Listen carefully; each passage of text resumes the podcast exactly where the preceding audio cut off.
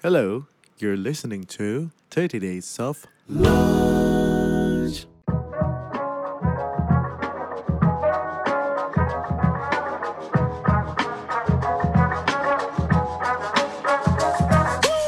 Orang-orang kesepian itulah orang-orang yang punya bekal untuk menemukan dirinya sendiri. Hanya melalui sepilah kita bisa mulai merenung, mulai mengenal diri kita sendiri.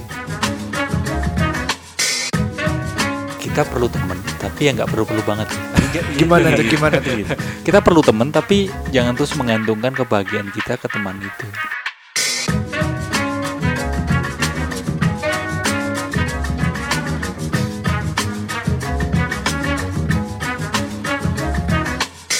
Setiap pembelian Lenovo lini-lini terbaru, mulai dari Lenovo Yoga Series, Lenovo Legion Series, serta seluruh lini IdeaPad akan mendapatkan Microsoft Office Home and Student 2019 gratis. Biaya berlangganan seumur hidup tercover dan pre-installed. Nggak pusing-pusing lagi. Gampang kan? Lengkapnya bisa lihat di YouTube-nya Lenovo.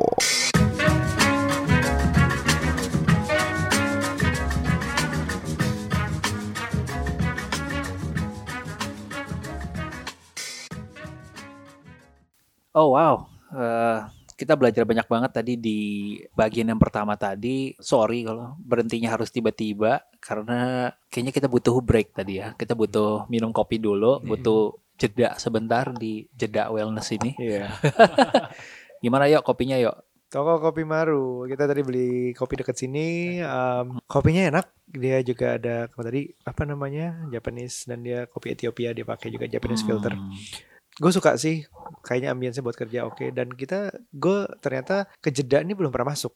Gue ya, Iya, gue iya. belum pernah masuk, tapi sudah ke gedungnya karena Iya, ada iya. bergreens di bawah dan Iya, ada iya. uh, merata di atas. Oh, ya. iya. Jadi kayak maksudnya ini tentang everything about self something ya. Self care. Self-care, iya. dari gigi sampai ke makanan yang kita makan dan jeda ini adalah tempat meditasi tempat bener Iya, nggak tempat mindfulness. mindfulness, Ya, ada yoganya juga. juga. Ada yoganya juga. Ada movement, ada workshopnya. Workshopnya ada Ah. nutrisi, ada mindfulness, ada self healing. ada nutrisi juga Iya, ya di sini ya. Iya juga. ya. Dan bahkan di bawahnya juga ada di depan Bergreens juga ada yang jual bahan-bahan makanan Ya, yang bulk store. bulk, Bulk store. store. ya. Suka banget gua sama energi masuk ke gedung ini tuh kayak Ah, terima kasih. em, lo ngerasa kayak Recharge. oh something different, something calming. Iya, iya. Honestly, pertama kali gue masuk Oke, Hmm, makanya masuk ruangan tadi nggak sengaja tuh kayaknya pengen duduk di bawah. Terus Kita pengen lesehan ya lesehan terus pengennya kayak ya udah ngomongnya pelan aja gitu. Anyway, thank you untuk menyediakan tempat ini dan thank you buat eh, obrolannya. Kita lanjut ya Iya. ke topik berikutnya. Iya. Nah, satu yang mungkin teman-teman yang pendengar juga banyak cerita Iya. eh, adalah eh, banyak teman-teman kita ini adalah professionals Iya. eh, yang di usia muda dan apalagi sekarang startup tuh banyak yang muda nih udah jadi leader gitu karena dituntut karena kekurangan nih yang bisa ngisi role-role di startup yang bulan ini 100 12 bulan kemudian timnya jadi 1000 Iya. gitu. Eh, itu mungkin case pertama untuk mengkontekskan soal leader atau mungkin banyak juga jadinya eh, pengusaha-pengusaha muda yang millennials yang akhirnya memulai sebagai kayak gua nih. Gua ada tiga bisnis, salah satunya gua eh, single fighter, artinya nggak punya co-founder. Sementara dari sisi mental health banyak sekali hasil riset yang membuktikan bahwa eh, pengusaha itu salah satu orang yang paling apa ya paling possible untuk kena isu mental health. Apalagi mereka yang single founder dan nggak punya co-founder untuk diajak curhat atau untuk bisa bantu menanggung beban. Nah, bener. Ada juga ya Jo ya. Not entirely alone sebenarnya bahwa gue juga punya pernah orang tua sebagai mentor sampai akhirnya merasa orang tua itu oh gue udah belajar banyak dan gue harus belajar ke tempat lain. Eh, sampai dalam akhirnya begitu adik gue masuk baru kerasa ada tempat banternya. Tapi ada satu satu cabang bisnis yang gue jalanin sendiri itu kayak ya kalau orang yang suka kontrol juga seneng lebih ada senangnya dalam hal Iya. oh ini kalau salah salah gue kalau berhasil berhasil gue dong Iya. egonya menang di situ tapi di saat mengambil keputusan tuh berat Iya, di iya. saat uh, ada masalah tuh kayak ya udah ternyata kalau salah di gue ya itu gampang diomongin tapi begitu kejadian kayak Iya nih salah gue nih Atau Sampai kayak tutup pernah kan bisnis Iya, segala iya, iya. macam dan kadang-kadang juga ngerasa lonely banget ya Iya. gitu. Kayak gue sendiri banget nih ngadepin kayak gini. Nah, ini kalau curhatnya gue ya, curhatnya gue adalah gue selalu ngerasa kalau I'm okay. Jadi gue nggak tahu nih, ini mungkin set- setengah diagnosa apakah gue punya isu mental health. Karena tadi gue baru tahu sebagai besar dari kita itu normal bermasalah. Iya. Ya kan? Yang awalnya kalau aman kan apa? Beneran sehat mentalnya. Sehat Iya, mental iya, gitu. Which is jarang. Which is jarang. Gue ngerasa kayak perspektif gue awalnya adalah apa-apalah waktu kecil kita dibully-bully segala macam it made me strong it made me who I am. Tapi gue juga sekarang jadi mikir apakah karena itu juga sekarang gue beberapa kali punya isu dengan building my team? Gitu. Yang menjadi isu gue adalah gue nggak ngerasa ada skill mungkin bisa dibilang untuk bisa membangun kedekatan. Sehingga yang gue lakukan adalah gue sangat bisa membatasi banget this is professional gitu di dunia yang di mana pekerja-pekerjanya itu meteran mereka happy di pekerjaan adalah bukan cuman oh lu sediain gue fasilitas yang enak oke gue bisa remote working eh, oke gue dibayar sesuai bahkan di atas market Eh, kita ngerasa cukup and then there's a moment yang di mana ternyata yang mereka cari adalah oh gue bisa deket sama bos gue Iya, iya, iya, iya. dan yang gue cari adalah gue bisa curhat sama bos gue eh bos gue bisa jadi teman juga nah eh I, I know where you're going. Iya kan? Seberapa My question adalah jadi yang pertama, is there something yang not right dengan cara pikir gua atau eh, memang is totally okay untuk put the border, oke ini professional professional, ya teman urusan lain. Belum tentu gue bisa teman sama lo orang semua juga. Mungkin dari lo orang bersepuluh cuma satu yang gue bisa ajak teman, Iya. gitu. Oke, pertanyaan pertama tadi lebih ke apakah sikapmu itu bener atau enggak gitu ya? Betul, betul. Apakah gua sehat normal atau gua sebenarnya normal bermasalah? nih?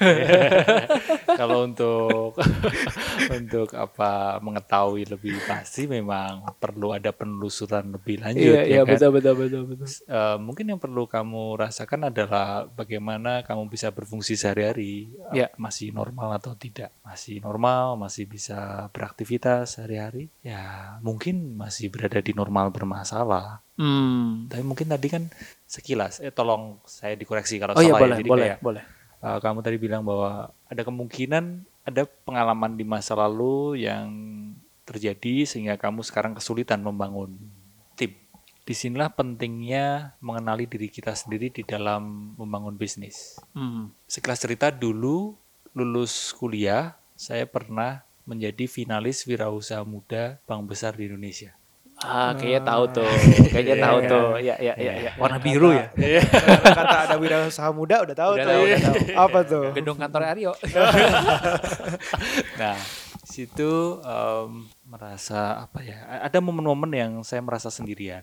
Di satu sisi saya masih ada pengalaman keluarga yang tadi sudah saya ceritakan iya, itu kan. iya. keluarga eh, waktu saya lahir seperti itu kondisinya. Iya, iya. Sehingga ada kayak benturan antara kemarahan dengan diri saya, kemarahan punya keluarga seperti itu, Iya. terbentur dengan mengelola bisnis supaya lebih berkembang, Iya. lebih keren. Iya. Saya saya terlalu memaksa diri saya, pokoknya harus membuktikan diri bahwa meskipun keluarga saya seperti Oh, itu, paham. Gua bisa sukses Paham. gitu. Oke. jadi apa yang kita alami sekarang, seperti kamu tadi mungkin merasa tidak bisa membangun tim, mungkin yang diperlukan adalah menelusuri ke dalam diri kita, apa yang masih menjerat kita, attachment apa yang yang ada di dalam diri kita, kejadian di masa lalu apa yang membuat kita kok mengalami ini. gitu. Di mindfulness ada sebuah pesan bahwa the only way out is in. Untuk mengurai masalah kita yang kita alami sekarang, yang diperlukan adalah masuk ke dalam diri kita. Kita memetakan, mengobservasi hidup apa yang menyebabkan saya seperti ini. Dan ketika melatih diri kita benar-benar di saat ini, maka kita bisa melepas jeratan di masa lalu. Kita menjadi otentik, kita menjadi orang yang yang tidak terjerat masa lalu. Bahkan dulu saya pernah di fase pengen bunuh diri karena ada rasa marah dengan diri saya. Kok nggak sukses-sukses? Kenapa kok saya tidak punya sosok ayah? Kok saya seperti ini? Ditambah saya merasa kesendiri- sendirian karena saya bisa merasakan sebagai founder bisnis kan punya visi, punya satu hal yang itu kayak mendobrak sebuah tatanan gitu. karena mindset entrepreneur yang memang harus seperti itu harus mendisrupsi, mendisrupsi ya istilahnya Iya. ya karena kalau hanya ngikuti ya tidak akan jadi entrepreneur. Entrepreneur harus merombak tatanan harus melawan hal-hal yang sudah tertata rapi gitu. Dan itu sebuah hal yang wajar ketika merasa sendirian. Ya karena ada uniqueness ada sesuatu yang unik kan. Hmm. dia outliers kan. Dan sebab akibat karena seperti itu maka muncullah rasa kesepian. Dan dulu karena saya belum mempelajari kesehatan mental, saya sampai muncul keinginan untuk bunuh diri. Tapi di situ juga banyak pelajarannya. Peristiwa yang menyebalkan, peristiwa yang mungkin dikatakan hina. Saya jadi belajar bahwa di situlah sebenarnya ada pelajaran indahnya. Rasa kesepian inilah yang membuat kita lebih tahu diri kita. Jadi simpelnya ada ada dua dua kelompok. Kelompok pertama adalah orang yang larut dalam keramaian dia tidak merasa kesepian, dia punya banyak teman, dia mungkin ngikutin aja keramaian. Tapi di momen tertentu ada kalanya dia akan merasa bahwa kok gue nggak mengenal diri gue sendiri ya, karena dia ngeblend dengan keramaian. Hmm. Ya kan? Kelompok kedua adalah orang-orang yang itu tadi menubrak tatanan, punya visi, idealis, punya sebuah value, punya sebuah komitmen. Tapi resikonya adalah kelompok kedua ini adalah dia akan kesepian. Dan kalau saya boleh saran, tidak perlu terlalu takut dengan kesepian. Hmm. Karena orang-orang kesepian itulah orang-orang yang punya bekal untuk menemukan dirinya sendiri. Hanya melalui sepilah kita bisa mulai merenung, mulai mulai mengenal diri kita sendiri. Jadi buat teman-teman yang merasa kesepian sebagai leaders, sebagai founder bisnis, temui rasa sepimu. temui, Temui rasa, rasa Temui rasa sepimu. Oke. Jangan dilawan, jangan mengusir rasa sepi itu. Semakin dilawan, seperti yang saya rasakan dulu. Rasa sepi itu akan semakin melumat Iya. diri kita. Mungkin Ruby se kesepiannya karena profit lu segitu banyaknya terus nggak tahu mau share ke siapa gitu kayak oh gue kalau share ke orang ini bahaya orang nggak boleh tahu tapi nggak ada untuk share. Amin, gua aminin Iya, aja. tapi temui rasa sepi Temui Temuin rasa rasa sepi. sepi. Tadi waktu lo bilang I see where you're going, bener nggak yang lo maksud tadi? Atau gimana yo? Tapi itu yang gue bercandain barusan pun Iya, iya. itu adalah di saat gue mendapatkan profit sekian. Tapi nggak bisa dong gue share sama sama bawahan kasarnya. Iya, itu iya. itu juga alasan lo kenapa lo uh, membentuk kayak benteng nggak boleh terlalu deket sama bawahan. Iya. Hmm. Karena sebagai manusia kita Iya. akan susah ada beberapa hal yang kayak lo nggak boleh sama bawahan atau sama tim lo sendiri itu ada yang lebih lebih karena lo lebih suka dari 10 orang tadi lo suka Iya, sama iya, satu iya. ini terus lo lebihin karena lo Iya. kedekatan lo Iya, kesamaan Iya, lo iya, harusnya iya, nggak iya. Boleh Harusnya nggak boleh. kan to be fair adalah performance-nya dia Hmm, seperti betul. apa. Kita sebagai manusia sebisa apa kita kayak stay objektif, stay fair, Iya. tapi juga ya kita harus deket juga. Gue sih sebenarnya Iya. pengen deket sama tim gue, Hmm. pengen gitu. Tapi gue sendiri takut nggak bisa ngebatasin bahwa nih sama ini gue deket banget nih dia sama-sama suka MU misalnya. Iya, iya. Terus jadi nonton bareng segala MU. macam. Kalau Iya. mulu tapi.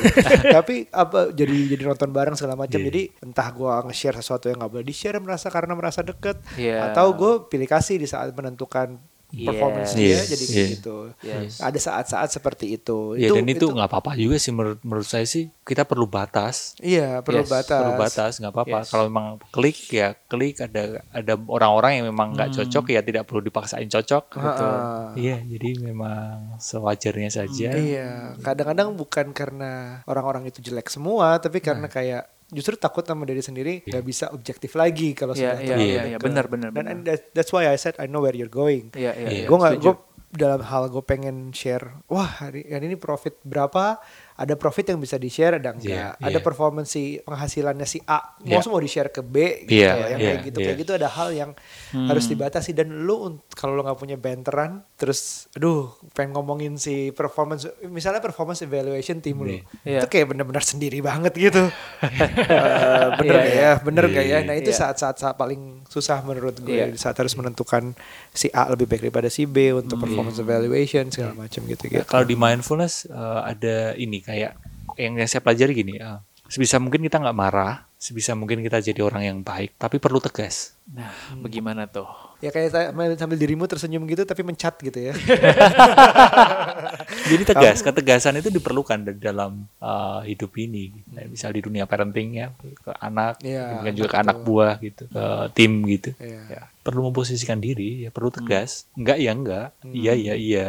Tapi nggak perlu marah. Iya, ada batas juga, ada jarak. Nah itu jagonya entrepreneurs untuk kayak atau leaders untuk menjaga tetap merasa dekat tapi tidak terlalu dekat sehingga mem- membias apa me- tidak fairkan kita kita Iya. jadi tidak Iya. bisa tapi tetap harus dijaga nih kayak Iya. tengah-tengahnya mana nih tengah-tengahnya Iya, mana iya, nih lo Benar. lo tetap gua anggap jadi kayak em, kita nongkrong bareng pergi bareng Iya. tetap, you're my friend as well Iya, tapi gue iya. juga bisa eh you're not that close untuk lo untuk lo Benar. tahu performance lo gimana tahun ini Iya, iya, nantinya iya, gitu iya. segala macam gitu untuk tahu gaji si dia berapa no you're not gonna go Iya. there gitu kayak ada Iya. tengah-tengahnya di mana Iya. Eh, menarik waktu dibilang soal jangan apa jangan takut sama loneliness tapi eh, hadapi gitu ya. Temui, Iya, ya. temui temui gitu ya. Temui rasa sepi. Selama berapa waktu terakhir ini gue lumayan banyak mungkin bisa dibilang menemui loneliness gue itu sih. Berapa poin yang ganggu tidur.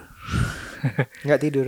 Eh, tidur tapi gue tidur tuh mikir. Mikir. Oh, iya, Gue iya. tidur tuh mikir dan gue bisa kayak kebangun jam 3 mata masih menjem tapi on lagi nih oh ya tadi sebelum tidur gue mikirin ini gitu terus ketiduran lagi terus pas bangun tidur pikiran terakhir nyambung lagi satu yang gue temukan ketika ini adalah oh kayaknya memang ketika gue reflect di beberapa kan ada tiga bisnis dua yang lain itu punya co-founders punya punya partners Iya. Um, dan gue ngerasa di bisnis-bisnis yang gue punya partners kok gue nggak ngalamin sedipres ini gitu Iya. nggak ngalamin tekanan yang seperti ini Iya. gitu dan ya misalnya kayak sekarang lah gue ngejalanin podcast bareng Arya itu kayak ya udah gitu enak Hmm. aja jarang ada jarang sampai ya gitu ke bawah tidur gitu Iya, iya, iya. begitu juga dengan di Pack Factory begitu juga dengan di company yang baru yang mentor gue jadi mungkin so far nih ya dengan menemui si loneliness itu yang gue bisa temukan adalah oh kayaknya gue memang sebagai business founders ada masanya gue bisa sendiri up to a certain period dalam bisnis itu gue butuh someone yang nemenin Hmm. gitu sih sekali. mungkin kesimpulan Iya, gue so iya. far ya Iya. atau bahkan lebih Iya. baik lagi kalau dari awal gue udah punya co-founders nggak semua orang bisa memulai sebuah bisnis Iya. seorang diri sampai gede Toh kita perlu temen, tapi ya nggak perlu-perlu banget gitu. Gimana tuh, gimana tuh? kita perlu temen, tapi jangan terus mengantungkan kebahagiaan kita ke teman itu. Iya iya iya. Nggak celingi gitu. Hmm. Klingi, oke, oke, Iya, iya, oke, iya, oke, iya. oke. Karena sebagian orang, ya saya pun juga kadang masih itu kayak kebahagiaanku di tangan orang lain gitu. Banyak sih dalam Iya. urusan relationship adalah saya mau menikah karena saya Iya. pengen bahagia. Iya, di urusan pekerjaan juga seperti itu. Mungkin tadi kayak ada ada tim yang merasa dia happy-nya itu ketika bisa deket sama bosnya, leadernya, bosnya, leadersnya. gitu. Hmm. Ya berarti dia pun menggantungkan kebahagiaannya di orang lain. orang lain. Yes. Kita perlu teman karena kita makhluk sosial. Tapi kita pun perlu belajar untuk tidak terus kayak Melekat. iya bahasanya, melekat terus kayak takut banget sendirian gitu. Iya iya. Iya. Ya, takut banget untuk em, tidak bersama dengan orang lain gitu. Makanya dengan latihan sitting practice, duduk diam hening, sebenarnya kan kita belajar menemui sepi itu, belajar untuk menemui kesendirian itu. Blaise Pascal, si filsuf dan ahli matematika itu, Ya. dia mengatakan bahwa hampir semua masalah di hidup ini berawal dari root cause-nya adalah manusia takut sendirian. Mungkin kita memaksa diri kita untuk mendapatkan kesuksesan yang berlebih, kita memaksa diri untuk untuk cemas, untuk khawatir, bahkan sampai marah-marah karena sebenarnya kita takut sendirian. Bahkan orang sampai melakukan kejahatan, misalnya korupsi, merampok dan sebagainya. Ya mungkin kita lihat di awal kan, oh iya karena supaya dia dapat uang lebih banyak gitu.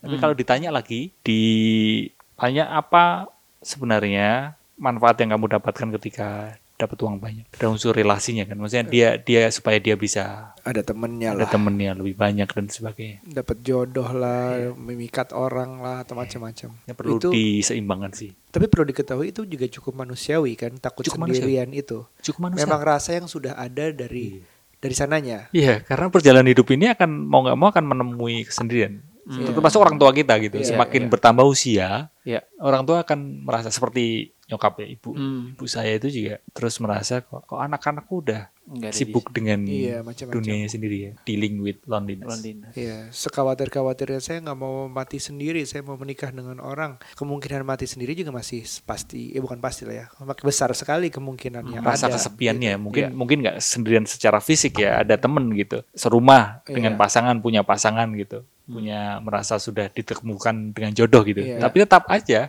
misal usia pernikahan yang sudah lima tahun enam Iya. tahun ke atas gitu kan ya kelihatan dulu nggak merasa kesepian ya tapi Iya. di momen-momen tertentu juga ya udah satu rumah sih berdua seranjang sih tapi kok tetap aja dikunjungi rasa sepi gitu Hmm. Oke, jadi Iya. sesuatu yang manusiawi, tapi tetap perlu akhirnya sepanjang jalan kita temui, kita sadari. iya kita sadari bahwa rasa sepi itu hanyalah sebatas perasaan bukan kenyataan kan Rasa sepi itu suatu perasaan, belum tentu kenyataan. Iya. tidak attach terhadap perasaan kita tidak attach Iya. terhadap pikiran kita jadi agak dikendurin gitu Kembali ke konsep yang awal tadi, ada realita, ada mind, think, dan ada, aware aware.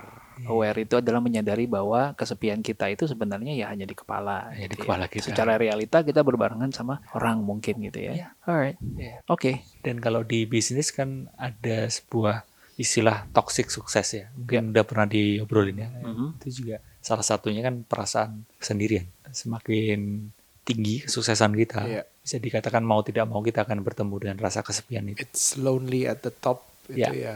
Paulo Coelho kalau nggak salah sempat menuliskan itu. Ya, Oke, Uh, thank you banget uh, untuk waktunya, Mas Aji udah berbagi di sini. Gue personally terbantu sekali dan udah dibukakan pikiran bahwa uh, being mindful yang yang Ari lakukan ternyata sudah on the right track. Iya, gitu teruskan ya. aja latihan. Gue sekarang ini Masih latihan. Nggak, masih latihan. nyadari kalau la- pikiran Iya. ramai. Iya betul.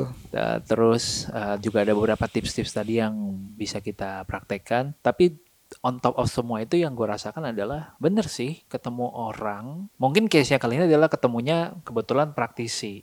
Tapi mungkin kita duduk ngobrol sama temen dari tadi kita nggak ada yang buka handphone gitu ya. The fact that we are being here dan talking itu aja udah ngebantu.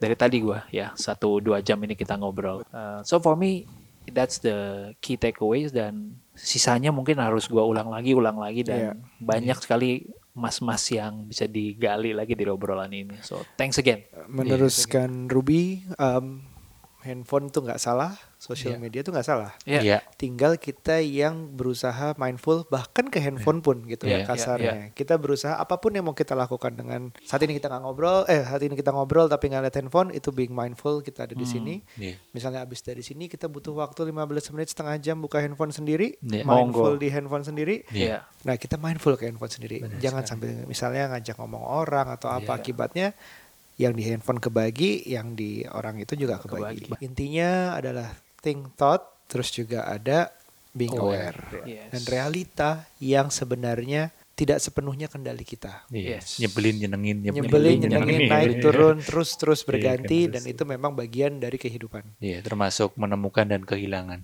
termasuk menemukan dan kehilangan. Kita bisa think yang selalu selama ini sudah dilatih, tapi juga kita harus aware yang mungkin selama ini kurang dilatih untuk lebih dilatih untuk sadar diri. Itu dari saya, saya juga masih harus mendengarkan lagi, kayaknya berkali-kali sambil terus melatih apa pun yang kata kalian ya sudah benar. Iya. Semoga benar dan dan tambah baik lagi Iya, dan iya. kehilangan memang akan terjadi. Hmm. Bagaimana kita coping itu kembali ke keseimbangan antara think dan aware tadi. Terima kasih Mas Aji. Ya, terima kasih. Terima kasih. Ini um, mungkin bisa dilihat Instagramnya ya di Aji Santoso Putra. Putro. Iya, Aji Santoso Putro. Iya. Ada kelas-kelas di Jeddah, Iya. ada kelas-kelas di tempat lain juga di Iya. luar workshop. Dan terima kasih banget. Terima, Terima kasih, kasih. banyak. Terima kasih. Kalau gua tutupan terakhirnya adalah obrolan-obrolan seperti ini kita hargain banget, termasuk dari season 1 kita belajar banyak sama berbagai macam orang. Eh, salah salah salah satu cara kita merespon itu dan meneruskan eh, value-value ini adalah kita create something ya yo ya. Kita Iya. create eh, desain tiga desain t-shirt yang kebetulan satu yang gue pakai hari ini kayaknya kena banget nih. Eh, eh, one life, insert wisdom to play. Uh, semoga ini bisa jadi pengingat buat kita bahwa memang mm, kita bisa mencari wisdom-wisdom ini dari mana pun Iya. dan ketika kita pakai dalam hidup ya semoga jalan hidup juga jadi lebih mindful. Sampai ketemu di episode berikutnya teman-teman. Iya. Thank you. Bye, bye, bye, bye, bye. Terima kasih.